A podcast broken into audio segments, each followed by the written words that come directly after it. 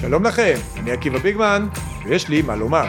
השבוע השר בן גביר אמר דברים חמורים מאוד בטלוויזיה, וזו הזדמנות מצוינת לדבר על אפרטהייד.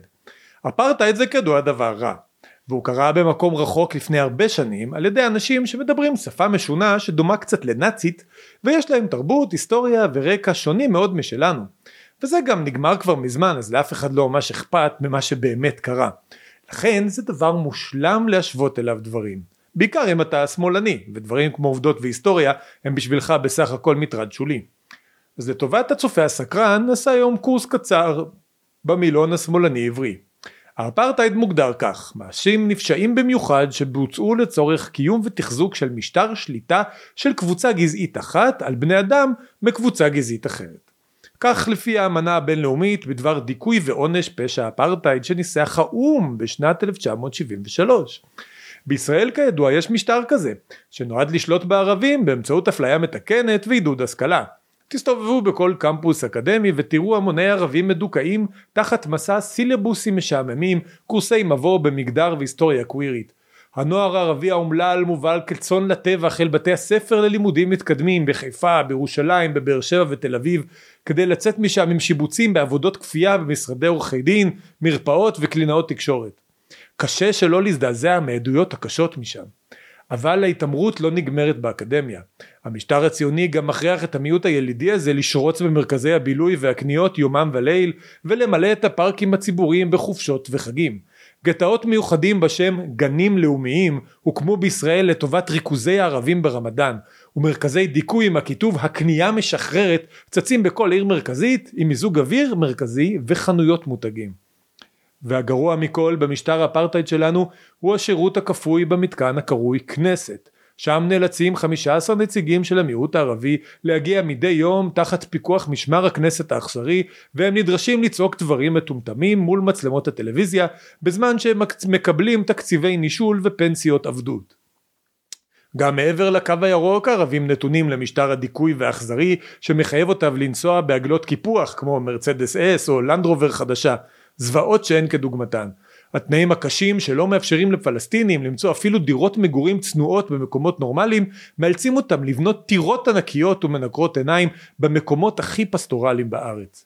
הבנאליות של הרוע. שלא לדבר על חיסול תמותת התינוקות, הכפלה, שילוש וריבוע של שיעורי אוריינות ושילוש התמ"ג הפלסטיני שהם החטאים החמורים ביותר של הכיבוש הישראלי. וזה אפילו בלי להזכיר את שיפור תשתיות המים והביוב שלא נציין כאן בגלל שיש ילדים קטנים שצופים בנו. גם לנו יש גבולות רבותיי. אז בושה לשר בן גביר שיצר פיגוע תדמיתי למדינה כי הרי בלי שהוא יגיד דברים מטופשים בטלוויזיה אף אחד לא ישם שם לב בכלל שיש פה משטר אפרטהייד כי בעצם אין פה שום דבר כזה. עובדה שהוא מתלונן שערבים נוסעים איתו בכבישים ביחד ויוצרים סיכון ביטחוני. תלונה, תלונה נפוצה מאוד במשטרי אפרטהייד. אז איך היו אומרים על זה באפריקאנס? וינד אין לבה ג'ו סטרוקי וסטל רונדרס ברדרה או ברוקיז? או בעברית, לכו תמצאו חיים לחתיכת מפונקים חסרי שכל. אני עקיבא ביגמן ואתם מאזינים לאידיוטים שימושיים.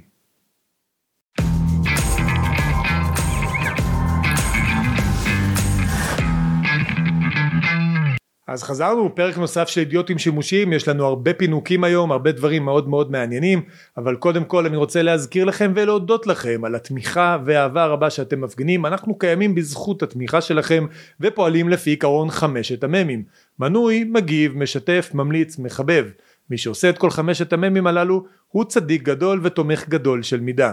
אני מזכיר לכם ללכת לגוגל, לעשות מנוי לעקיבא ביגמן אידיוטים שימושיים, הפודקאסט של עקיבא ביגמן באתר מידע אידיוטים שימושיים, לחפש את הקישור, לעשות שם מנוי, זה תומך בי באופן אישי וזה תומך באתר ובזכותכם אנחנו יכולים לפעול. בשבוע שעבר הפודקאסט שלי נכנס לתוך עשרת הפודקאסטים הכי נשמעים אה, בישראל באפל פודקאסט, בתוך בקטגוריה של פודקאסטים פוליטיים, כל זה רק בזכות חמשת המ"מים שאתם הקפדתם עליהם המנויים, המגיבים, הממליצים, אלה שמדרגים גבוה ונותנים חמש, חמש כוכבים לתוכן הזה, זה מאפשר לנו לנצח את הסקאלה ולנצח את האלגוריתמים ואנחנו מגיעים גבוה וחזק מאוד, הפודקאסטים של מידע בשבוע האחרון היו בתוך הסירייה הפותחת זה משמעותי וזה הכל רק בזכות העבודה שלכם ואני מודה לכם על זה מאוד מאוד. מה יש לנו היום? אנחנו נדבר היום באופן נרחב על האלימות בחברה הערבית, על הסיבות לאלימות הזאת ועל הסיבות לקושי של המשטרה אה, לפתור את הבעיה ולמגר את הרוע.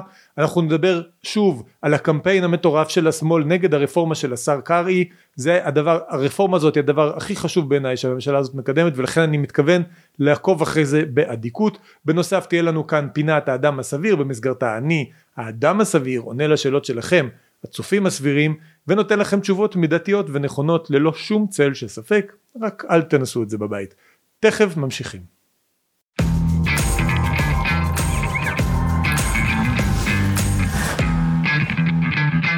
טוב אני רוצה שנדבר עוד קצת על הרפורמה של השר קרעי.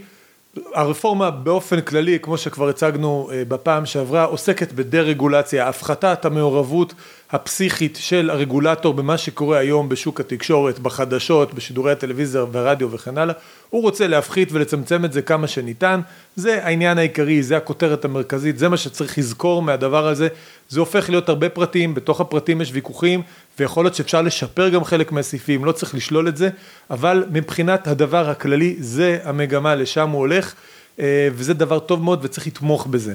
עכשיו תראו איך השמאל מתנגד לרפורמה הזאת זה דבר פשוט אה, מטורף. מסגרת אה, לדעתי הכנות בעצם של כל החבורה הזאת לעתירות לבג"ץ פורסמה חוות דעת משפטית שכתבו אותה דוקטור, דוקטור תהילה אלטשולר ועורך הדין אלעד מן שהם מוצגים שם כמומחים מומחים מספר אחת בארץ לרגולציה ותקשורת או משהו מעין זה עכשיו אפשר לקרוא את החוות דעת שלהם יש להם הרבה הערות אני אומר שוב יכול להיות שבחלק מהפרטים אפשר לקבל גם חלק מההערות האלה כל הצעה אפשר לטייב אין בעיה.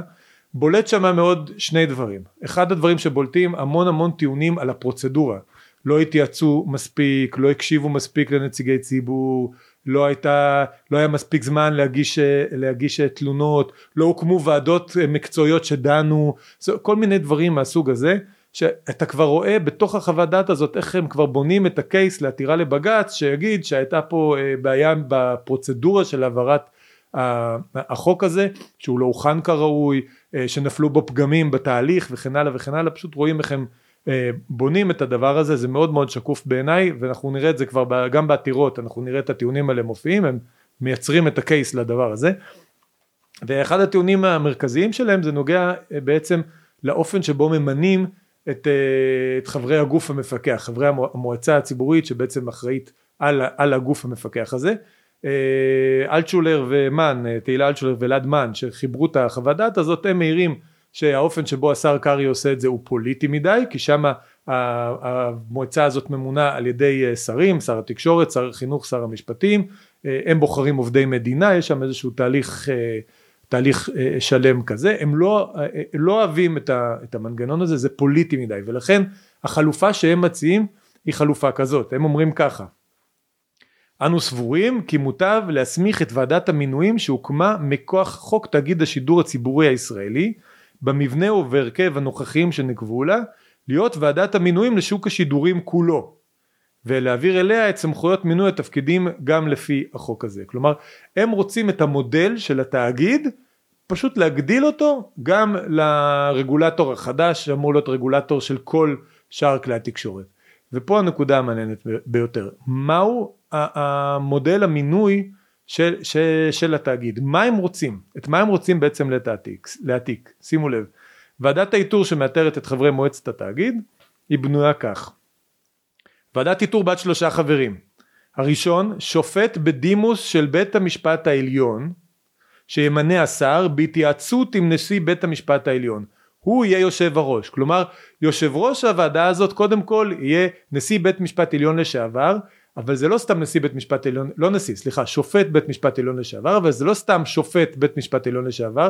המינוי שלו צריך להיות בהסכמה של הנשיא בהתייעצות עם נשיא בית המשפט העליון כלומר לצורך העניין גם אם היה איזשהו שופט ימני שמרני אה, שפורש אי אפשר למנות אותו אה, כיושב ראש ועדת האיתור בלי להתייעץ עם נשיא העליון קודם. זאת אומרת העליון נשיא העליון המכהן יש לו אינפוט מי יהיה בעצם יושב ראש ועדת האיתור על הרגולטור של התקשורת. אתם מבינים? מפקידים בעצם את כל הכוח בידי השופטים. הם יקבעו מי יהיה, מי ישב בסופו של דבר בוועדות ברגולציה על התקשורת, לשם זה הולך הדבר הזה. עכשיו תראו מי עוד, השופט, השופט בדימוס לשעבר הזה, השופט, השופט העליון בדימוס הזה, הוא יהיה היושב ראש והוא יבחר את שני המועמדים האחרים, הוא בוחר אותם, לא השר ולא אף אחד אחר. הראשון יהיה נציג ציבור בעל מעמד ומומחיות בתחום התקשורת הכתובה או המשודרת או בתחום היצירה הטלוויזיונית הקולנועית או מוזיקלית. בקיצור מישהו מהברנז'ה, יוצר טלוויזיה, עיתונאי, משהו מהסוג הזה. אז יש לנו כאן שופט עליון לשעבר שבוחר מישהו מהברנז'ה, כנראה ותיק אולי בגיל פרישה, עם ניסיון בתחומים האלה. והשלישי, נציג ציבור מעל בעל מעמד ומומחיות בתחומי הכלכלה או הניהול שיבחר על זה. זאת אומרת, לוקחים שופט עליון לשעבר, הוא בוחר איש ברנז'ה או לשעבר או, ב, או מכהן, לא, לא מצוין פה שהוא צריך להיות לשעבר, והוא בוחר גם כן מישהו מהאליטה העסקית. שלושת הגופים הללו, שלושת הרשויות של האליטה, הם יבחרו בעצם את הוועדה שממנה, הם, הם בעצם יהיו ועדת האיתור שתמנה את הרגולטור על התקשורת. ככה הם רוצים לראות את זה. זה אה, לקחת את, ה, את האקטיביזם הפקידותי עד הקצה של הקצה שלו. אין פה שום אינפוט לשר, שום אינפוט לנבחרי ציבור, שום קול לציבור עצמו. הם אנשים בלתי נבחרים שנבחרים על ידי, על ידי שופט עליון שהוא בעצמו לא נבחר בצורה אה, דמוקרטית בשום צורה והם אלה שימנו את הוועדה שתפקח על שידורי התקשורת שלנו. אתם מבינים את הדבר הזה? זה לקחת את זה פשוט לקצה לקצה של הפקידותיות של הפקידוטיזם עד כמה עד כמה שאפשר אה, אה, לקחת את זה רחוק. עכשיו תראו אני מבין שיש אה, כאב בטן לאנשים מסוימים שפוליטיקאים אה, ימנו את הוועדה שתהיה אחראית על הרגולציה וכן הלאה וכן הלאה הם קוראים לזה פוליטיזציה ואז הם אומרים הם מציגים בעצם שיש הבדל בין שיש פער בין פוליטיזציה לבין הציבור. זאת אומרת הפוליטיקאים תמיד דואגים לאינטרסים של הפוליטיקאים אבל צריך לדאוג לציבור. מי ידאג לציבור הם אומרים? זה הביקורת ומה התשובה שלהם? מי ידאג לציבור? החבורה הזאת. שופט עליון איש ברנז'ה ומישהו מהאליטה העסקית. הם ידאגו לציבור. זאת אומרת אה, בתפיסה המעוותת שלהם אין ציבור. איפה איפה איפה הציבור כאן? עכשיו מה, מה האמת? האמת היא שהייצוג הכי הולם והכי נכון במערכת דמוקרטית של הציבור זה הפוליטיקאים אין מנוס מזה. הפוליטיקאים הם אלו שמייצגים את הציבור. אנחנו לא אוהבים את זה לפעמים לפעמים זה מלוכלך לפוליטיקאים יש גם אינטרסים אישיים אה, כאלה ואחרים. אני מקבל את זה אני מבין זה לא דבר יפה ולא דבר נקי תמיד זה פוליטיקה. אבל זה מה שמייצג את הציבור. הציבור בוחר את הפוליטיקאים. האלטרנטיבה של הפוליטיקאים האלטרנטיבה של הדמוקרטיה תמיד תהיה אוליגרכיה. עכשיו תשאלו את עצמכם מה אתם עדיפים שופט עליון בדימוס שיבחר שני חברים שלו מהתקשורת ומהקהילה העסקית או פוליטיקאי. עכשיו פוליטיקאי אתם לא תמיד תהיו מבסוטים. אני כבר חותם לכם. אני לא מבסוט מרוב הפוליטיקאים גם כולל אלו שהצבעתי להם. אני לא מבסוט מהם. והרבה פעמים זה יהיה מלוכלך. ולפוליטיקאים יש פה גדול. והם יגידו דברים שהם אחר כך מצטערים עליהם. הכל נכון אבל הפוליטיקאים האלה הם מייצגים את הציבור הרבה יותר טוב מהאוליגרכים והפוליטיקאים יש להם גם עוד יתרון גדול שהם מתחלפים. פעם זה פוליטיקאי שאתה לא אוהב פעם זה פוליטיקאי שאתה קצת יותר אוהב. זה טבע זה, זה, זה טבעו של עולם. פעם יהיה אחד יותר מנומס פעם אחד פחות מנומס הכל בסדר. אנחנו מכירים פוליטיקאים. ראינו יש דונלד טראמפים בעולם יש מיט רומנים בעולם יש כל מיני אנשים. לא צריך להיבהל מזה. ראינו גם פוליטיקאים מנומסים ומעונבים ויפים מאוד שעשו דברים נוראים. ולכן אני לא מתרגש מזה בכלל. אבל האלטרנטיבה לפוליטיזציה של, של דברים זה אוליגרכיזציה של דברים. ותבינו שלשם הדברים הולכים. אז אה, קל מאוד לעשות תעמולה נגד פוליטיקאים. זה, זה הכי פשוט שבעולם בגלל מה שאמרתי. יש להם אופי מלוכלך לפעמים וזה לא נקי. קל לעשות אה, זה קל לעשות תעמולה נגד, אה, נגד פוליטיקאים ואנחנו מכירים כבר על השר קרעי שמוליך את הרפורמה הזאת כבר עושים לנו קריקטורה בגלל המוצא בגלל המבטא ואני מודה גם בגלל דברים שהוא אמר שהוא היה צריך לא לומר אותם הוא לא תמיד אה, הוא לא תמיד מקפיד על לשונו עד הסוף. בסדר גמור ככה זה. קל לעשות נגדם תעמולה אבל האלטרנטיבה של זה זה משטר האוליגרכיה. תחשבו שופט עליון בדימוס חבר שלו מהברנז'ה ובכיר בקהילה העסקית שהם יהיו אחראים על הרגולציה על תקשורת בעיניי זה אסון הרבה יותר חמור מזה שיהיה לנו פוליטיקאים ש, שיהיו אחראים על הדברים האלה. ועכשיו וצריך לזכור צריך לזכור את הכותרת של כל האירוע הזה שהשר קרעי אולי הוא מגדיל את כוחם של הפוליטיקאים בוועדה שאחראית על הרגולציה אבל הוא מצמצם באופן דרמטי את הרגולציה וזה מה שחשוב. פחות אכפת לי מי יושב באיזו ועדה אם לוועדה הזאת יש פחות שיניים ופחות סמכויות זה הדבר הכי חשוב וצריך לזכור את הדבר הזה כשאנחנו עוקבים אחרי אה, המשך ההתנהלות של הרפורמה הזאת כי זה או דמוקרטיה ופוליטיקאים או אוליגרכיה. אין דברים אחרים.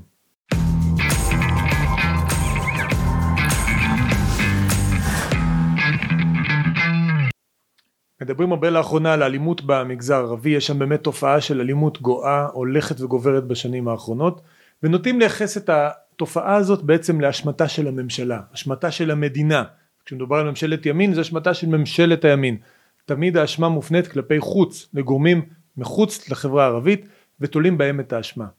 השמאל אוהב מאוד את הטענה הזאת, הם אה, למדו אולי מהשמאל האמריקאי את הקטע שאסור להאשים את האנשים בתוך הקהילות, את מי שנחשב מיעוטים, מי שנחשבים מוחלשים, אסור לבוא אליהם בטענות, אסור לבוא אליהם בדרישות, תמיד מי שאשם בדברים, מי שאחראי על דברים זה המדינה, ההגמוניה, הלבנים, אה, מי שזה לא יהיה, במקרה שלנו הציונות, מדינת ישראל והממשלות, אנחנו לא מאמינים בדבר הזה, אנחנו לא מסכימים עם ההנחות האלה. יש לחברה הערבית אחריות רצינית מאוד על הנעשה בתוכה, יש שם עניינים תרבותיים וחברתיים שיוצרים את הבעיה הזאת, יש סיבות שיש אלימות כזאת דווקא בחברה הערבית ולא בחברות אחרות, יש סיבות שיש אלימות מהסוג הזה בחברה הערבית מוסלמית דווקא ולא בחברה הערבית נוצרית למשל או בתוך החברה הדרוזית, אז זה לא קשור רק למיעוטים, זה לא קשור רק למצב סוציו-אקונומי, זה לא קשור רק לשאלות של ציונות ואם המדינה שייכת ליהודים או לערבים או למיעוטים משהו מעין זה. יש כאן בעיות נקודתיות ספציפיות שקשורות לחברה הזאת, החברה הערבית מוסלמית, אי אפשר לחמוק מזה ומה שאני רוצה לעשות כאן בדקות הקרובות זה לנסות להסביר בצורה קצת יותר uh, עמוקה את הסיבות גם לאלימות באיזשהו מקום אבל יותר מזה את הסיבות לחוסר היכולת או לקושי של המשטרה ושל הממשלה לפתור את הבעיה הזאת. תראו כדי ששיטור יעבוד הוא חייב שיתוף פעולה של קהילה. איך זה עובד באופן רגיל? אתה הולך ברחוב או נמצא בבית ואתה רואה פשע. אתה רואה מישהו יורה במישהו מישהו פורץ לחנות. אתה דבר ראשון מדווח למשטרה. אתה מתקשר מזמין את המשטרה. המשטרה באה.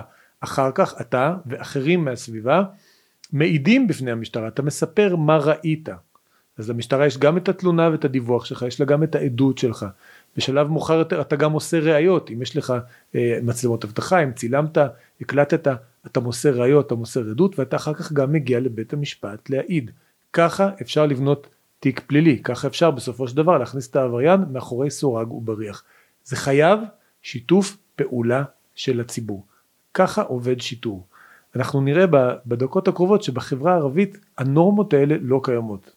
אין שיתוף פעולה עם המשטרה אין את התפיסה הזאת של דיווח, של אה, עדות, של מסירת ראיות, של שיתוף פעולה באופן מלא אה, עד, ל, עד לגזר הדין, להפך, יש תפיסה שמונעת את זה, שמעכבת את זה, ובגלל זה המשטרה מאוד מאוד מתקשה לפעול, היא מתקשה מאוד לפענח תיקים, אפילו כשיש לה אה, מודיעין, היא לא יכולה להביא תיק להבשלה בבית משפט, זה דברים מאוד מסובכים, לחברה הזאת יש בעיות פנימיות שלא מאפשרות לה אה, אה, לעבוד בסטנדרטים שצריך כדי ששיטור יוכל לעבוד בה בצורה אה, טבעית ונכונה. אז תראו המקור המידע הכי מעניין לדעתי על המגמות בתוך המגזר הערבי בהקשר של הפשיעה זה דוח שמוציא ארגון שנקרא יוזמות קרן אברהם, יוזמות אברהם, זה ארגון שמאל, הוא מקבל מימון מהקרן החדשה וממדינות זרות וכן הלאה, האג'נדה שלו זה שתי מדינות לשני עמים, הם גם בעד אה, חזון, אה, חזון אה, ערבי מזרחי ישראל, איזושהי אוטונומיה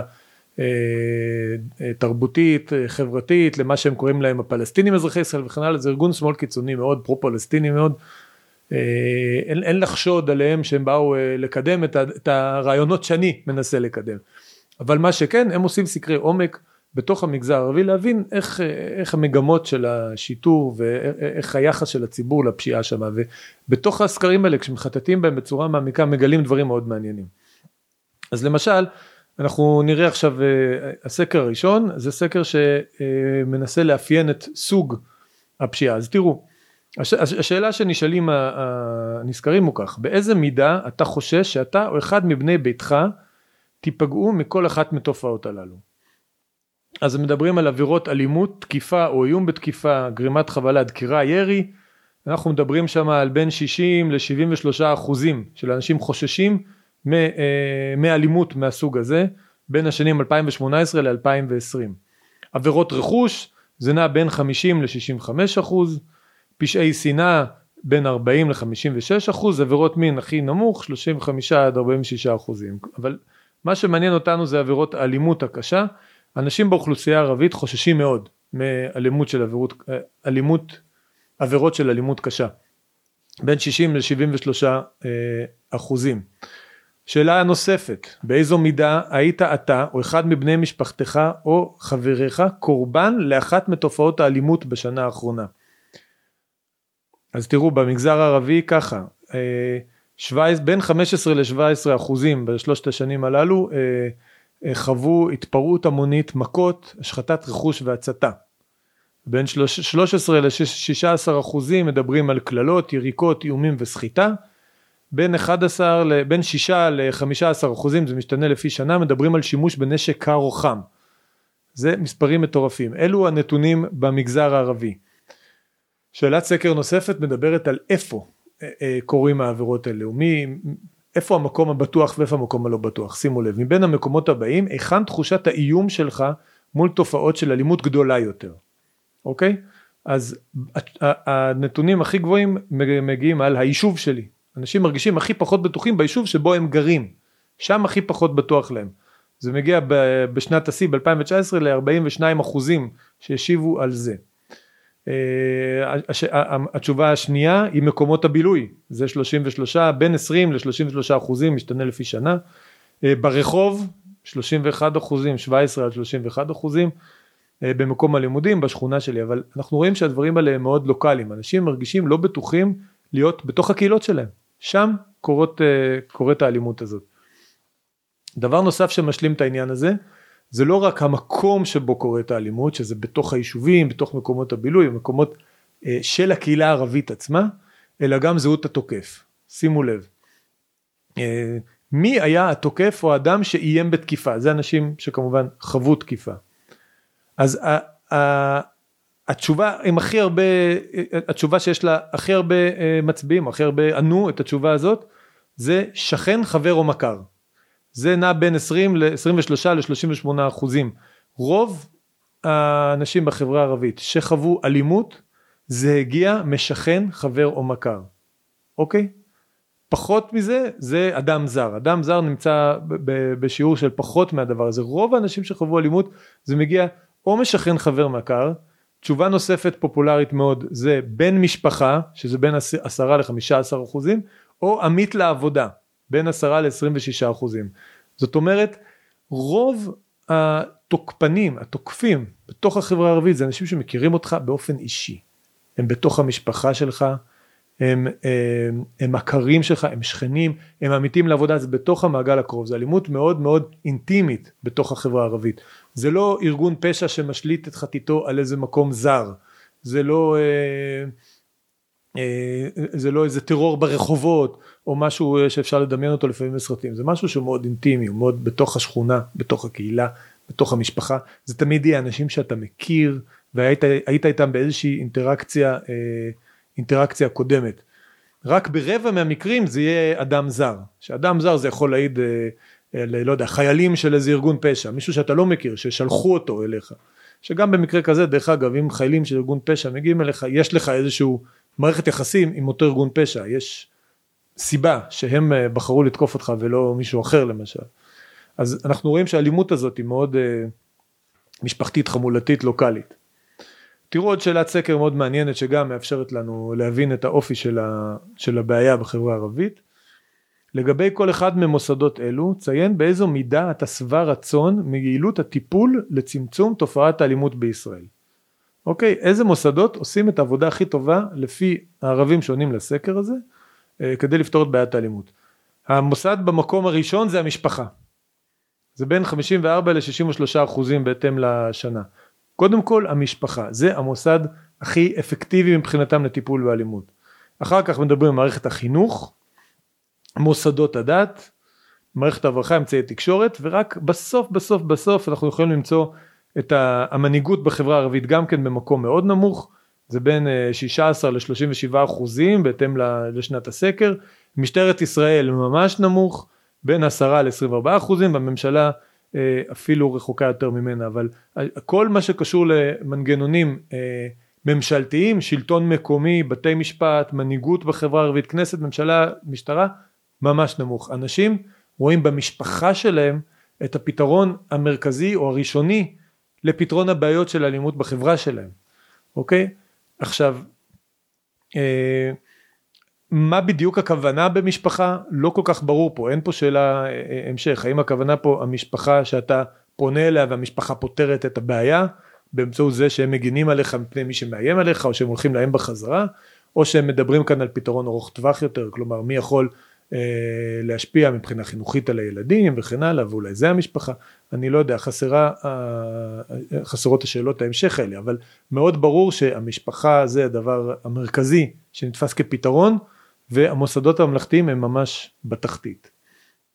עכשיו יש משהו מאוד מעניין בנוגע לשיתוף הפעולה של האוכלוסייה הערבית עם המשטרה. תשימו לב יש פערים בין הצהרות לבין מעשים אוקיי אני רוצה שתשימו לב לזה בכמה סקרים שעכשיו אני אקרא לכם. כששואלים את האנשים בחברה הערבית באיזה מידה אם הם ייפגעו מעבירות אלימות או איום למי הם יפנו לטפל בעניין כששואלים שאלה כללית כזאת אז תראו 60 אחוזים בערך אומרים שהם יפנו למשטרה אם הם יהיו קורבן של תקיפה, איום, חבלה, דקירה, ירי, הם ילכו למשטרה. ככה הם מצהירים בשאלת סקר כללית. אוקיי? אחר כך יש באזור 20 אחוזים אה, אה, למשפחה ואז אה, כל מיני גורמים אחרים. זו שאלה כללית. עכשיו שואלים שאלה קצת יותר מעשית. מה הסיכוי שתתלונן במשטרה? כלומר, אם אתה או מישהו מבני ביתך היה קורבן של עבירה, מה הסיכוי שאתה תלך באופן אקטיבי ותגיש תלונה למשטרה? אוקיי? אז כשמדברים על, אלימ, על uh, עבירות של חבלה, דקירה, ירי, עבירות אלימות קשה, עדיין זה שיעורים יחסית גבוהים, באזור בין ה-50 ל-67 אחוזים בשנה uh, הכי גבוהה, אבל בוא נגיד באזור ה-50 אחוז, קצת יותר מ-50 אחוז, ילכו להתלונן במשטרה במקרה של, uh, של חבלה, דקירה או ירי. זה, זה הנתון הכי גבוה מבחינת העבירות במגזר הערבי, כי אחר כך יש לנו אה, עבירות רכוש ופגיעות מיניות ששם הנתונים יותר נמוכים אבל תחשבו על זה זה אומר שבין 40 ל-50 אחוזים מהאוכלוסייה הערבית לא ילכו למשטרה כשהם קורבן של ירי של דקירה של חבלה. הם חטפו מכות הם פצועים מירי והם לא ילכו להגיש תלונה במשטרה. כמעט 50 אחוז מהאוכלוסייה הזאת. אוקיי? זה מטורף. זה נתון שקשה לדמיין אותו. כל כך הרבה אנשים לא רואים במשטרה את הכתובת לדבר הזה. עכשיו תראו אה, תראו עוד דבר. אה, מה קורה שאתה, מה הסיכוי שאתה תלך להעיד במשטרה על פשע שקרה למישהו אחר שאתה ראית אותו, לבוא בתור עד, שתזכרו, להיות עד זה אה, אחד הדברים, אחד מתנאי הבסיס להצלחה של תיק פלילי, צריך עדים כדי להגיש כתב אישום, מה הסיכוי שאתה תלך להיות עד? שימו לב, אם היית עד לירי זה נע בין 26 ל-40 אחוזים מהמגזר הבדואי, ראית, מהמגזר הערבי סליחה, אתה ראית ירי או פשיעה, אלומה, פשיעה אלימה, זה פחות או יותר אותם אחוזים, הסיכוי ש, ש, שאדם ילך להעיד, למש, להעיד במשטרה הוא נמוך מאוד.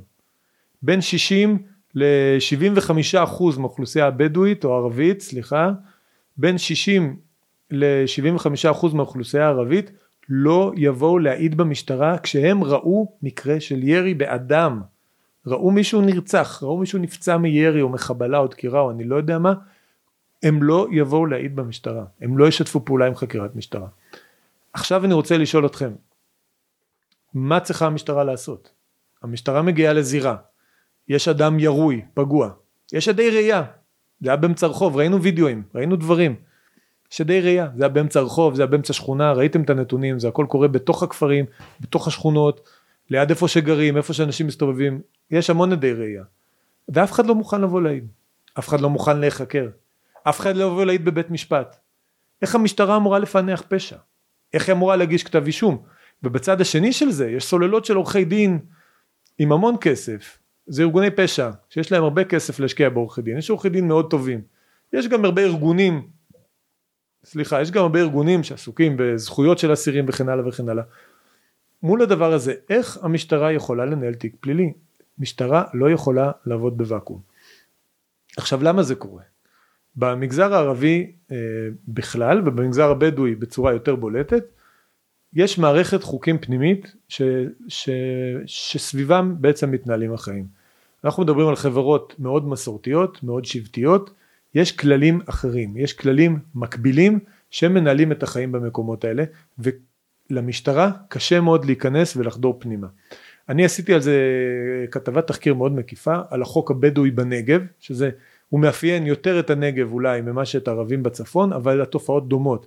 אנחנו נתמקד עכשיו קצת במה שקורה בנגב אבל תבינו שזה לא רק על הנגב. התופעות האלה אה, בהיבטים אחרים במינונים אחרים אה, גם יכולים להסביר הרבה מה שאנחנו רואים אצל הערבים גם בגליל ובמשולש. אז תראו החיים של הבדואים מתנהלים על פי מעגל, מעגל חוקים פנימי שלהם שנקרא חוק הבדואי קוראים לזה חג ערב חוק ערבי חוק המדבר יש לזה כל מיני כינויים. הם מתנהלים על פי החוק שלהם. החוק הזה פותר להם את כל הבעיות אה, כל, כל הנושאים של, אה, של סכסוכי ממון של סכסוכי דמים. כל הדברים האלה נפתרים אה, יש להם מענים בתוך החוק הפנימי שלהם. וכשפורץ סכסוך כשקורה משהו הם הולכים דבר ראשון לשם. הם ילכו למשטרה רק אה, אם לא תהיה ברירה או רק אה, במקרה שיש הרוגים או פצועים קשה שמגיעים לבתי חולים ואז ממילא כבר אה, יש דיווחים גם למשטרה. בדרך כלל הם לא ילכו למשטרה אם לא חייבים ולפעמים גם המשטרה מוצאת גופות דברים כאלה שלא דווחו עליהם. זאת אומרת גם רצח ודברים כאלה לפעמים לא מגיע למשטרה. עכשיו אני רוצה שתראו קטע שאני אני קיימתי ראיון בתוך תחקיר שפרסמנו בערוץ 14 עם אדם שהוא שופט בחוק הבדואי קוראים לו מוחמד אבו פרחה הוא אדם מאוד נחמד, הוא אורח אותי מאוד יפה אצלו באוהל והוא הסביר לי איך הדברים האלה עובדים והוא הסביר לי גם שבגלל שיש את החוק הבדואי והדברים נסגרים בתוך השבט ובתוך המשפחה על פי החוק הבדואי הם לא אה, רואים שום צורך, לא שלא רואים צורך, הם לא פונים למשטרה, אסור להם לפנות במשטרה. תראו איך הוא מתאר את הדברים האלה. אם אני אעיד שאבו סבייח הרג מישהו, החבר שלי, השכן שלי, חס וחלילה. אבל אם אני אגיד, אז אני במחלוקת איתו וגם הדברים יעלו עד רצח גם. מי שהולך להעיד למשטרה הוא בעצם... אה, בוגד. בוגד. בוגד. אני אומר לך, בקיצור ולעניין, בוגד. מי שהולך למשטרה הוא בוגד.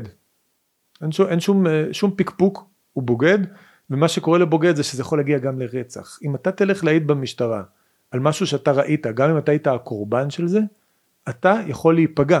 זה יפתח סכסוך בינך לבין השכן שיכול להוביל אה, לפגיעה שלך. אמ, אבו פרחה הוא מנסה להציג את המשפט הבדואי והמשפט המדינתי כשני דברים משלימים. הרבה דוברים של המגזר הבדואי עושים את זה אומרים זה שני דברים מקבילים זה לא סותר אחד את השני אה, אפשר לפתור את הדין הפלילי אבל עדיין יש בינינו איזה סכסוך משפחתי וצריך לפתור את הסכסוך בחוק אה, הבדואי. אבל שימו לב ששאלתי אותו על הדבר הכי אה, בולט בעניין הזה על הנושא של נקמת דם. תראו איך הוא מגיב. אני, אני חושב שאנחנו נמנעים מלהתנגש עם, אה, עם החוק הישראלי. נקמת דם זה מתנגש. מתנגש, אבל אפשר להגיד בקטנה לא בגדולה. אפשר להסתדר במשפט הבדואי ובסתירה בינו לבין המשפט האזרחי אם אנחנו מדברים על מישהו שגנב כבש. אז אפשר למצוא פתרונות, אין שום בעיה, הוא גנב כבש, אנחנו נסתדר, הכל טוב. אבל בדבר השולי הזה של רצח ושל נקמת דם, שם יש איזו סתירה. בקטנה, לא בגדולה. יש סתירה מסוימת שתי משפחות יתחילו לרצוח אחת את השנייה במשך אה, אה, דורות בלי סוף זה קצת סותר את החוק הזה אבל אנחנו לא נורא אנחנו נסתדר עם זה. חליק מה שנקרא. אז אתם רואים שיש כאן סתירה מהותית בין המערכות האלה. לא רק שהם לא יבואו לבית המשפט ולמשטרה יש גם כללים אחרים. אם יש רצח יש נקמת דם. אם יש נקמת דם הם ילכו לבצע אותה או שתהיה איזושהי סולחה אה, ביניהם על פי הכללים שלהם. המשטרה כמעט ולא יכולה לעשות שום דבר תראו עכשיו עד כמה זה חזק, אה, מתאר אה, את העוצמה של המשפט הבדואי, המשפט השבטי, מתאר אה, דוקטור סמי אבו פריך, הוא חוקר של המשפט הבדואי, מתגורר ברהט. הדברים שאני מביא עכשיו זה מתוך דיון בוועדה בכנסת, הוועדה המיוחדת למיגור הפשיעה במגזר הערבי, שעסקה באחד המושבים שלה לפני, לפני שלוש שנים, עסקה ספציפית בנושא הזה של חוקי הבדואים, הוא מתאר איך, איך אורח החיים הבדואי בנוי ועד כמה החוק הבדואי הוא מרכיב קריטי באורח החיים הזה. היום אנחנו נדבר על המגזר הבדואי הוא חי בתוך שלוש, שלושה מעגלים. המעגל האזרחי, שהוא מעגל החוק הישראלי, מעגל uh, בתי המשפט הישראלים, והמעגל השני הוא מעגל הדת האסלאמי, אנחנו חברה בדואית מוסלמית, והמעגל השלישי הוא מעגל החוק השבטי. ואם אנחנו ניקח את המסורת והדת במגזר הבדואי, המסורת היא באה בסולם הכוח כנקודה הראשונה, והדת האסלאמי באה כנקודה שנייה, והחוק הישראלי הוא בא אחרי שתי הנקודות האלה. אין אנחנו יכולים בתוך החברה הבדואית לא להיכנס למשפט הבדואי, או לא להישפט בתוך מעגלי המשפט הבדואי. כל ויכוח קטן וכל סכסוך קטן בתוך החברה הבדואית מיד פונים לאנשי המקצוע, אנשי הסולחות, השייחים, אנשים שמפרידים בין השבטים ולזה יש את הכוח הרב. עכשיו אז, אז אתם מבינים אז אורח החיים אין אורח חיים בדואי בלי חוק בדואי. זה, זה אי אפשר לקחת את זה. זה כמו אה, אנחנו ביהדות אין לזה כל כך מקבילה כי בתי משפט תמיד הולכים כאילו למדינה אבל זה כמו הלכה. תגיד למישהו בוא תהיה יהודי אה, שומר מצוות בלי לשמור הלכה. אז הוא לא יהודי שומר מצוות. אז אתה לא יכול להיות בדואי אה, מסורתי ונאמן בלי החוק הבדואי. זה מה שמגדיר את, ה, את הזהות הזאת. זה, זה, זה מערכת חיים מקיפה שכוללת גם את הנושא הזה של המשפט הפלילי אי אפשר אה, אי אפשר אה, לוותר על זה ועדיין לשמור על הזהות לכן זה כל כך חזק. אה, למוחמד אבו פרחה השופט במשפט הבדואי יש אח ואח שלו הוא שופט בבית משפט לתעבורה בבאר שבע. אני שאלתי אותו על האח הזה ועל, ועל היחסים ביניהם תראו את הקטע המעניין הזה מתוך הכתבה. בבית משפט בבאר שבע יש שופט אבו פרחה זה קשור אליך? אני מכיר את אמא שלו, טוב מאוד. אז אתם אחים.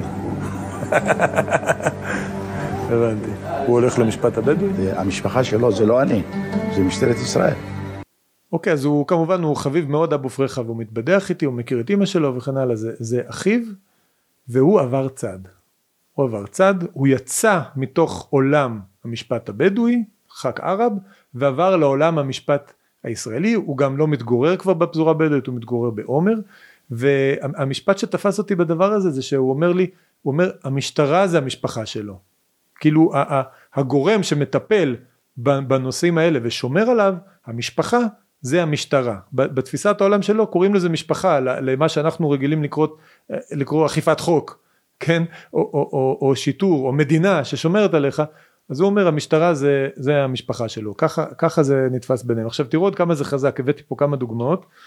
אז ככה, הדוגמה הראשונה, עומר אבו רקק הוא ראש מועצת uh, תל שבע, גנבו לו 30 אה, כבשים מהעדר והוא הודיע, אני לא מתכוון להגיש תלונה במשטרה, החוק הבדואי עדיף. זאת ידיעה uh, מערוץ 7, הצדק השבטי עדיף על המשטרה. הוא, הוא ציין כי האפשרות להגשת תלונה במשטרה נדחתה על הסף על ידי משפחתו. מתוך אמונה שהצדק השבטי חזק יותר מהצדק המשטרתי, וכיוון שהגשת תלונה לא תחזיר את הכבשים. אתם רואים זה מאוד מאוד חזק, המשפחה אומרת לו אתה לא הולך למשטרה, אנחנו נפתור את זה בכלים שלנו, וממילא הוא אומר גם המשטרה לא תצליח להחזיר את הכבשים. הכלים הפנימיים הם הכלים ש, שעובדים. עוד כותרת מהזמן האחרון, אה, בית המשפט המחוזי בבאר שבע החליט על מעצר אדם כי הוא סירב להעיד נגד הנאשם שירה בו. והשופט כתב רעה חולה במגזר הבדואי. בית המשפט העליון בסופו של דבר הפך את ההחלטה ומתח ביקורת. אין רלוונטיות להשת... להשתייכותו המגזרית. אתם מבינים? השופט בבאר שבע מכיר את השטח, הוא הבין, אה, יש כאן מקרה של ירי, אדם מסרב להעיד במשטרה על הירי הזה, אז, אז, אה, אז, אז, הוא, אז הוא אישר למשטרה לעצור אותו, כדי שהוא יעיד, כדי שהוא יעיד בתיק ירי, רצו לפענח את התיק. זה הגיע למשפט, לבית המשפט העליון, שם מפעילים שיקולים אה, מופשטים של צדק פרוגרסיביים וכן הלאה וכן הלאה, והם הפכו את ההחלטה. אבל אתם מבינים שוב את, ה, את האירוע, עד כמה זה חמור ועד כמה זה בעייתי שלא מצליחים לגייס אפילו עדים, אה, עדים לתיק פלילי, אדם שיודע מי ירה בו בעצמו, הוא הקורבן והוא, לא, והוא מסרב לשתף פעולה עם המשטרה. אז איך המשטרה אמורה לפענח תיקים? איך? עכשיו תראו מה קורה למי שכן הולך למשטרה. אני עקבתי אחרי מקרה אה, בנגב, הגיע לי, הגיע לידי תיעוד של משפט בדואי שהתנהל נגד אדם שעשה בדיוק את הדבר הזה. הוא אפילו לא הלך למשטרה, הסיפור הוא כזה, אנחנו מדברים על אה, קבלן בשם סולימאן אבו קוש, הוא קיבל, הוא זכה במכרז לפתח מגרשים ביישוב אה, אום בטין, אה, הוא נקלע שם לסכסוך, זה לא בדיוק סכסוך, יש אדם, יש עבריין בשם עזיז אבו עסה, שהחליט שאותו שטח שרוצים לפתח שטח שלו, והוא סחט שם את הקבלן וגם קבלנים אחרים שהיו שם, אה, והוא לא אפשר להם לעבוד והוא איים שם על אנשים וגם אנשים קיבלו שם מכות היה שם, היה שם סיפור שלם. המשטרה רצתה לפענח את התיק הזה אה, וגם בסופו של דבר הצליחה אה, ועצרה את אבו עסה בתוך החקירה הם השתמשו במרשמים תרשומת תקשורת של, אותו, של הטלפון של אותו אבו כוש. הם חדרו לטלפון באישור שלא באישור לא משנה ו- והם הוציאו את ההתכתבויות שלו עם אבו עסא ושם מצאו ראיות בעצם לעבירת הסחיטה. אז הפשע של, אב, של אה, אבו כוש היה שהמשטרה השתמשה בטלפון שלו כדי בסופו של דבר לגבש ראיות נגד אבו עסא, נגד עזיז אבו עסא. הוא לא העיד בעצמו, הוא לא התקשר למשטרה, הוא לא הגיש תלונות, הוא פחד לעשות את זה. אבל בעצם השתמשו בטלפון שלו כדי אה, לתקוף את, אב, את אה, אבו. מה עשה אבו עסא? הוא יזם משפט בחוק הבדואי נגד אבו כוש וקיבלתי את התיעוד הזה. עשיתי איזה כתבה שלמה בערוץ 14 אני מצרף פה אה, חלקים קטנים. תראו בחלק, ה... בחלק הזה תראו איך בעצם עזיז אבו אסא זה, זה אדם שמדבר הוא מדבר בערבית והוא חוזר על כמה מילים הוא מתאר איך אבו כוש כאילו השפיל אותו בזה שמכנים אותו את אבו אסא מכנים אותו עבריין ראש כנופיה זה מילים בעברית שאפשר לשמוע מתוך המשפטים שאומר ראש כנופיה ראש מאפיה אה, תשימו לב לדבר הזה תראו איך, תראו איך הדבר הזה מתנהל זה מאוד מאוד מעניין. לפני כשבועיים התכנסו בוררים ועדים כדי לדון במעמדו של אבו כוש. תחילה שוטח עזיז אבו עסא את טענותיו בפני הקהל. الناس اليوم المحامية هذول بيسمعوا كلمة سخيتاه وإيوميم واتكفاه أول ما بيطلب عليك نص مليون شيكل سويتني يا ابو كوش مطلوب وسويتني ראש כנופיה. במסגרת הזו מציג עזיז מכתב רשמי ששלח ראש רשות הבדואים יאיר מעיין המלין על התנהגותו של אבו עסא. מדינת ישראל, הרשות לפיתוח התיישבות הבדואים בנגב, לשכת המנהל הכללי, שהיה על מר ביבי נתניהו, סווני ראש מאפיה اليوم بدي احج ما بقدر احج بقدر انه المطار لاني ראש כנופיה. אז אתם רואים הוא מקריא הוא, הוא גם מתאר את הדברים ואז הוא מקריא הוא פותח איזשהו אה, לטובת מי שלא צופה הוא פותח איזה מין אה, פלק, פלקט גדול אה, שהוא תלה על הקיר הוא בעצם הדפיס מכתב של אה, יאיר מעיין יושב ראש רשות הבדואים שמתלונן על, ה, על הדבר הזה והוא מקריא מתוך המכתב המכתב ממוען אה, לראש הממשלה בנימין נתניהו ואז הוא אומר הוא שולח לבנימין נתניהו שאני ראש מאפיה, שאני ראש כנופיה, הוא משפיל אותי, עד לבנימין נתניהו זה מגיע. ועל זה, על זה התלונות שלו, ואז אה, יש שם ויכוח על כסף, זה, יש שם קטע וידאו ארוך, אני חתכתי חלקים קטנים, אבל הם מדברים כל הזמן על חמישה מיליון, עשרה מיליון, יש שם איזשהו, איזושהי התדיינות על כסף, תראו, רק בשביל האווירה, להבין את הדבר הזה, תראו עכשיו אה, קטע קטן של המין משא ומתן כזה על הפיצויים, מי מקבל את הפיצויים, תראו רגע. أنا رئيس مجلس وانحبست 15 يوم صحيح في زنزانة زعلت من زعلت على كل يد كنت محتاج زعلت من أطالب في مين الحين؟ أنا زعلت من زعلت أطالب في مين؟ اذكروا الله جميعا أيوة اذكروا الله جميعا اذكروا الله جميعا وجهكم على 5 مليون و5 مليون والله غالي اندفعت אז אתם רואים זה, זה, זה ככה מתנהל. זה כמו איזה מין מכרז. הוא רוצה ההוא שמדבר שם אה, הוא אומר שהוא ישב במעצר 15 אה, ימים כנראה זה אחד השותפים של אבו עסא או משהו מזה והוא רוצה מיליון שקל על כל יום שהוא היה במעצר בתוך אה, הפיצויים שהולכים לקחת מאבו כוש ואבו עסא אומר לו אתה תקבל חמישה מיליון ולא יותר חמישה מיליון וזהו. לא מוכן לתת לו יותר אבל אתם רואים איך הדבר הזה מתנהל כל הנפגעים של אבו קוש מייצרים איזשהו אה, משפט ובסופו של דבר הוא נאלץ, הוא נאלץ לשלם חלק מהסכום, אני לא חושב שהוא שילם את כל הסכום, הם רצו שם משהו כמו 40 מיליון, אבל אה, זה גזר דין שהונחת עליו בתוך החוק הבדואי ויש לזה השלכות ואני בטוח שאבו קוש הוא, הוא בסופו של דבר הגיע איתם לאיזשהו הסדר, כי אחרת הוא לא יכול להמשיך לחיות בחברה הבדואית וגם בעצם לא באף חברה, כי הם ירדפו אותו בכל מקום, ככה זה עובד, זה אדם שהיה קורבן לסחטנות של עבריין שגם הורשע אחר כך, הוא היה קורבן לסחטנות של עבריין מורשע והוא לא, והוא שיתף פעולה באופן פסיבי, פסיבי עם המשטרה, בסך הכל המשטרה השתמשה במכשיר הטלפון שלו כדי לאסוף ראיות וזה מה שקרה לו.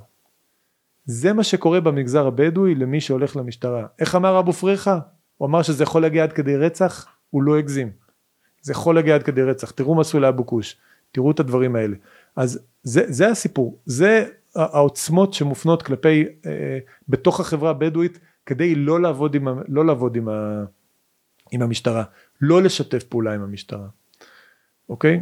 עכשיו, אני רוצה שתראו, אה, אני אראה לכם עוד כמה, עוד כמה אה, אה, קליפים, אני אראה או אני אשמיע לכם עוד כמה קליפים מאוד מעניינים על זה, כי מה שאני תיארתי לכם עכשיו, כל מי שחי במגזר הבדואי יודע את זה, במגזר הבדואי וערבי דרך אגב, הם כולם יודעים את זה טוב מאוד, הם מבינים איך המערכת הזאת עובדת, הם חיים אותה, יש לח"כ ערב הזה, יש לו מקבילות אה, אה, אצל הערבים בצפון, דרך אגב גם בצפון יש הרבה בדואים, אז זה לא, לא בהכרח כל כך שונה, אבל גם בקרב אוכלוסיות אחרות בצפון, יש להם אה, מקבילות לדברים האלה, יש את המערכות הפנימיות ששם הדברים נסגרים, אבל תראו איך,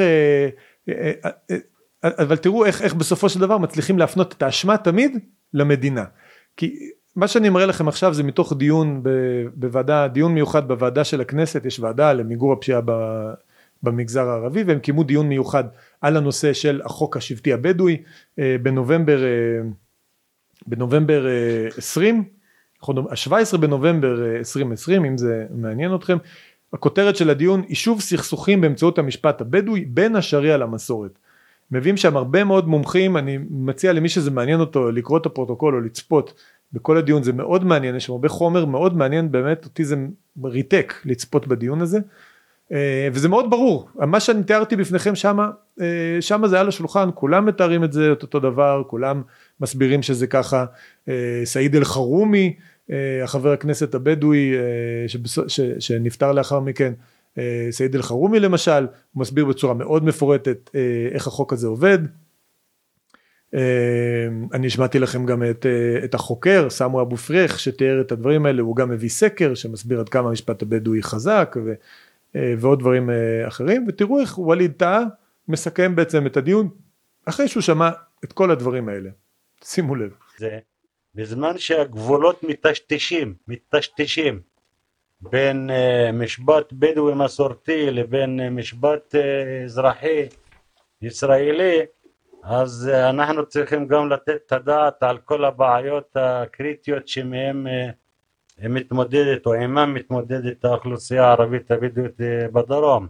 בין אם מדובר ביישובים בלתי מוכרים שאין להם שום תשתית למחיה בכבוד בין, אם מדובר בחינוך, בבריאות, בכבישים, בכל תחומי החיים ועל כן הכל קשור אחד בשני. אוקיי okay, אז הוא אומר זה מאוד מעניין לשמוע על החוק הבדואי והמסורת והשבטיות וכל הדברים שסיפרתם לי אבל אסור לשכוח שהמדינה אשמה.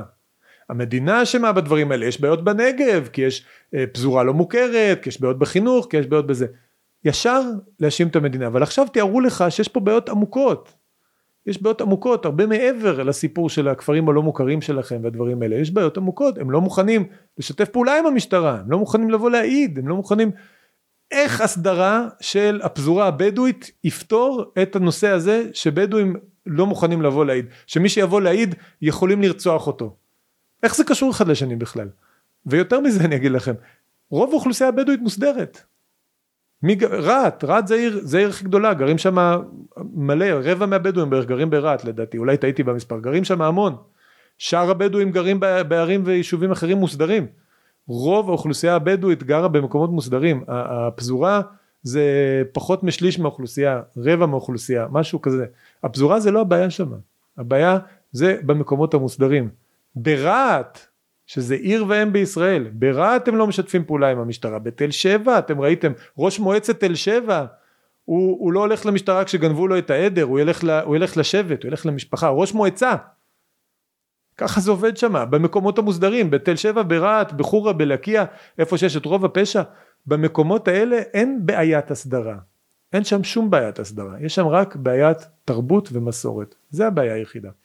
עכשיו תראו כדי לסכם את הקטע הזה בואו תראו את איימן עודה, איימן עודה נותן פה ניתוח יפה מאוד לדעתי של הבעיה והוא עושה את ההשלכות מהמגזר הבדואי למגזר הערבי בכללותו.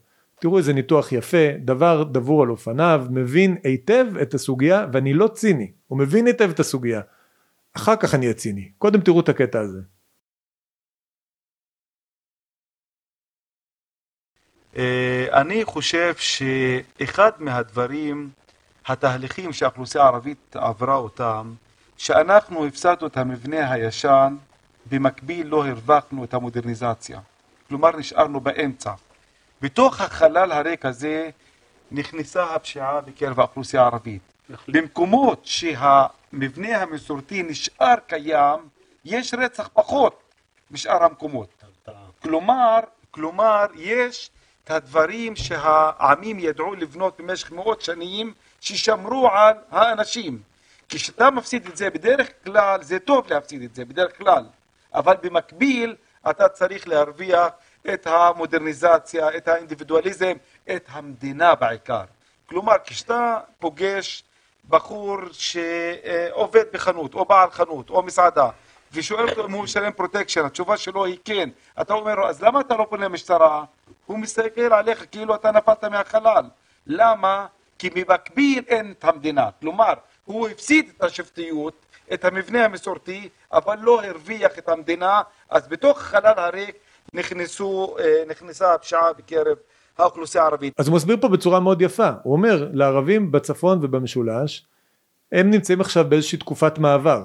היה להם פעם את המסורת והשבט כמו שיש היום לבדואים, וזה מנע אה, סכסוכים, זה מנע רציחות, יש באמת באוכלוס... במגזר הבדואי יש פחות רציחות ממה שיש בצפון, תבדקו את הנתונים, אה, הבדואים צודקים בזה, החוק הבדואי, חוק הערב, הוא, הוא שומר על הסדר, זה עובד, אה, יש להם את זה וזה עובד, לכן אגב הם מאוד קנאים, לא רוצים לאבד את זה. אז אומר איימן עודה, לערבים בגליל היה את הדבר הזה, אבל הדבר הזה מתפרק בגלל מודרניזציה, אבל המדינה לא נכנסה. אין להם את החוק, את החוק השבטי, ואין להם עדיין את, אה, את החוק המערבי המודרני, את המדינה, ובתפר הזה, בוואקום הזה, נכנסים ארגוני הפשע, משפחות הפשע, ומייצרים שם את העלייה באלימות שרואים אה, אולי בעשר שנים האחרונות או בשנים האחרונות.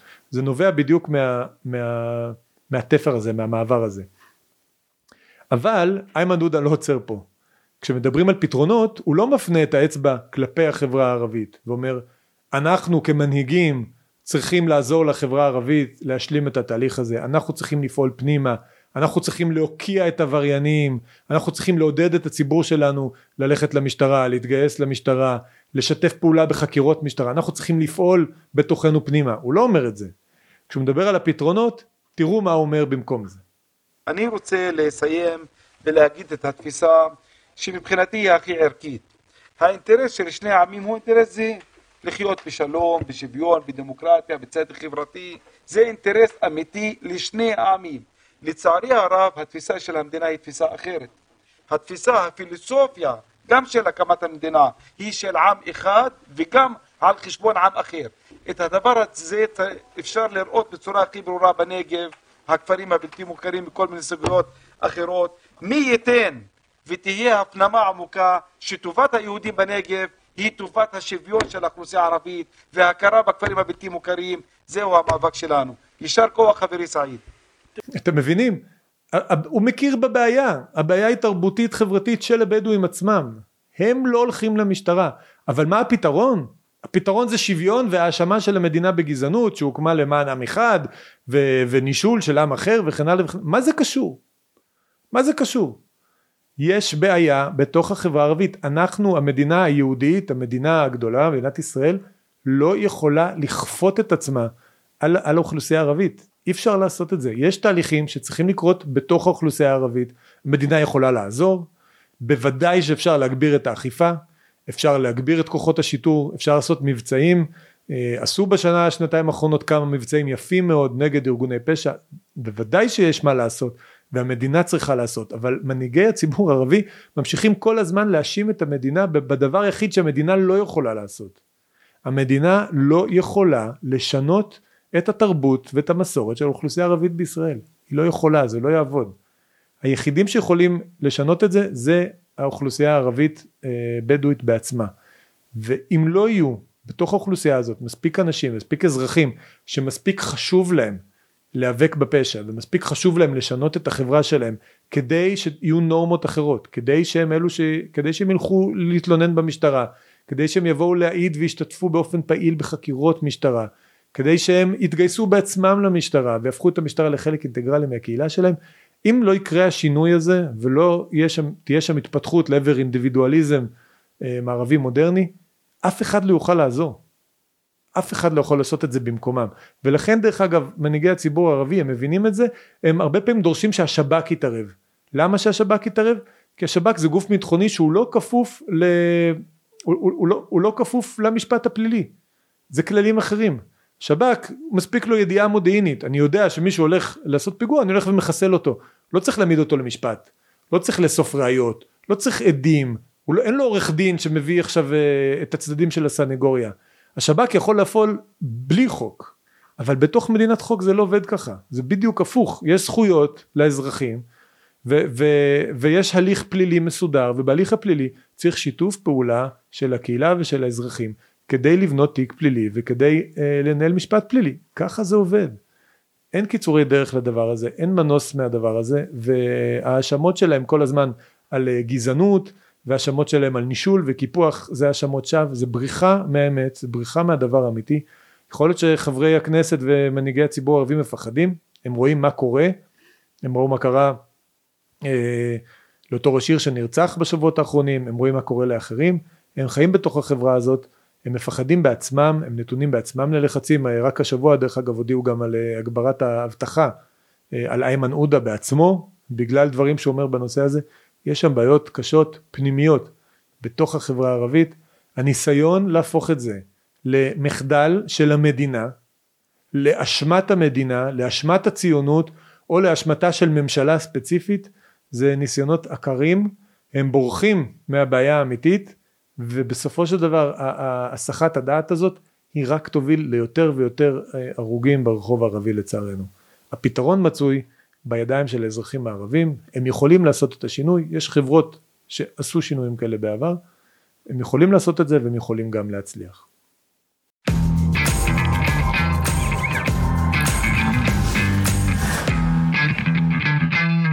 אוקיי, הגענו לפינה האהובה עליי בסיומו של כל פרק, פינת האדם הסביר, במסגרתה אני, האדם הסביר, עונה לשאלות שלכם, הצופים הבלתי סבירים בעליל, ומספק לכם תשובות מידתיות, סבירות ונכונות בהחלט. הש... את השאלות האלה מנועי מידה יכולים להגיש בתוך uh, האזור האישי, זה מגיע אליי לתיבת המייל ואני משתדל לענות לשאלות האלה uh, בכל פרק, אז מי שעוד לא עשה מנוי, uh, זה הזמן לעשות ולהיכנס לחגיגה. השאלה הראשונה להיום השאלה היא כזאת, יוספה שואלת כך, כמו שאומרים בישראל רק הימין יכול לעשות שלום ורק השמאל יכול לעשות מלחמות, אולי גם בעניין הרפורמה, רק קואליציית שמאל תוכל להביא לרפורמה, הרי יש ח"כים בשמאל שמזכירים בעיקרון על הצורך ברפורמה ורק מטעמים, מטעמים פוליטיים הם מתנגדים לרפורמה של הממשלה, אה, זה כמובן נכון יוספה, אם אה, השמאל ירצו לעשות רפורמה משפטית מהסוג שאנחנו היינו רוצים שתקרה, בוודאי שתהיה לזה תמיכה רחבה, יכול להיות שגם אה, מפלגות מהימין יתמכו בהם אה, מבחוץ או יצטרפו לממשלה כזאת, אה, זאת לא שאלה, לצערי השמאל כרגע לא רוצה לעשות רפורמה כזאת, אז, אז זה פשוט לא, לא יכול לעבוד, בניגוד למלחמה ושלום שהמשפט הזה נאמר עליו, דרך אגב בעבר זה כן היה בממשלת אולמרט, דניאל פרידמן היה שר משפטים והוא רצה לעשות רפורמות שונות במשרד המשפטים, במערכת המשפט, אז זה לא, אה, זה לא מופרך הרעיון הזה כי באמת העניין של הרפורמה המשפטית לא תמיד היה אה, חוצה מחנות ימין ושמאל בצורה כל כך מובהקת אבל בזמן האחרון ככה זה ואני לא רואה איך זה משתנה בזמן הקרוב. אה, שר שואל כך הוא ראה רעיון של פרופסור סטיב, סטיבן קלבריזי אני מקווה שאני הוגה את זה נכון שהוא מציע הצעה לפתרון המשבר. ההצעה היא כזאת שלהפוך את משרת הנשיא למשרה נבחרת על ידי העם, כלומר יהיה בחירות ישירות מנשיא המדינה, אה, ואחד התפקידים של הנשיא הזה, שהוא נשיא שנבחר על ידי העם, יהיה לבחור מועמדים לשופטים, והמועמדים האלו יואשרו על ידי הצבעה של רוב בכנסת, אה, וככה בסופו של דבר זה הופך את ה... זה מייצר קשר יותר הדוק בין uh, העם uh, לבחירת השופטים, זה גם נותן איזשהו תפקיד נורמלי בעצם לנשיא, והוא שואל למה לא הולכים על מתווה כזה, תראה יש הרבה הצעות טובות, אני חושב שזאת הצעה טובה דרך אגב, גם ידידי גד איבגי הציע הצעה דומה, שמה שמשותף בהצעות בעצם זה להפוך את בחירת השופטים למשהו שהוא כבר לא בידיה של הממשלה, אלא בידיה של הכנסת, שהכנסת תבחר את השופטים, מי מפגיש את המועמדים, יכול להיות שהנשיא יציג את המועמדים, יכול להיות שמי שיציג את המועמדים תהיה איזושהי ועדה של הכנסת, שתציג פי שלושה מועמדים נגיד מהתקנים הפנויים, ואז יצטרכו uh, לבחור, יכול להיות הרבה דברים, אני מסכים, אני חושב שזה נכון, צריך לנתק את הפוליטיקה הרגילה מתהליך בחירת השופטים, שיהיה בחירה בכנסת, כל חברי הכנסת שנמצאים במליאה יצביעו על שופטים, אפשר גם הצבעה חשאית כדי שלא יהיה משמעת סיעתית וכל מיני דברים של פוליטיקה רגילה, כמו דרך אגב שבוחרים מבקר המדינה ויושב ראש כנסת ונשיא המדינה גם נבחר ככה, אפשר, אפשר את השופטים גם להכניס במנגנון הזה, אני חושב שזה טעות שלא הלכו על פתרון כזה, למה לא עשו את זה?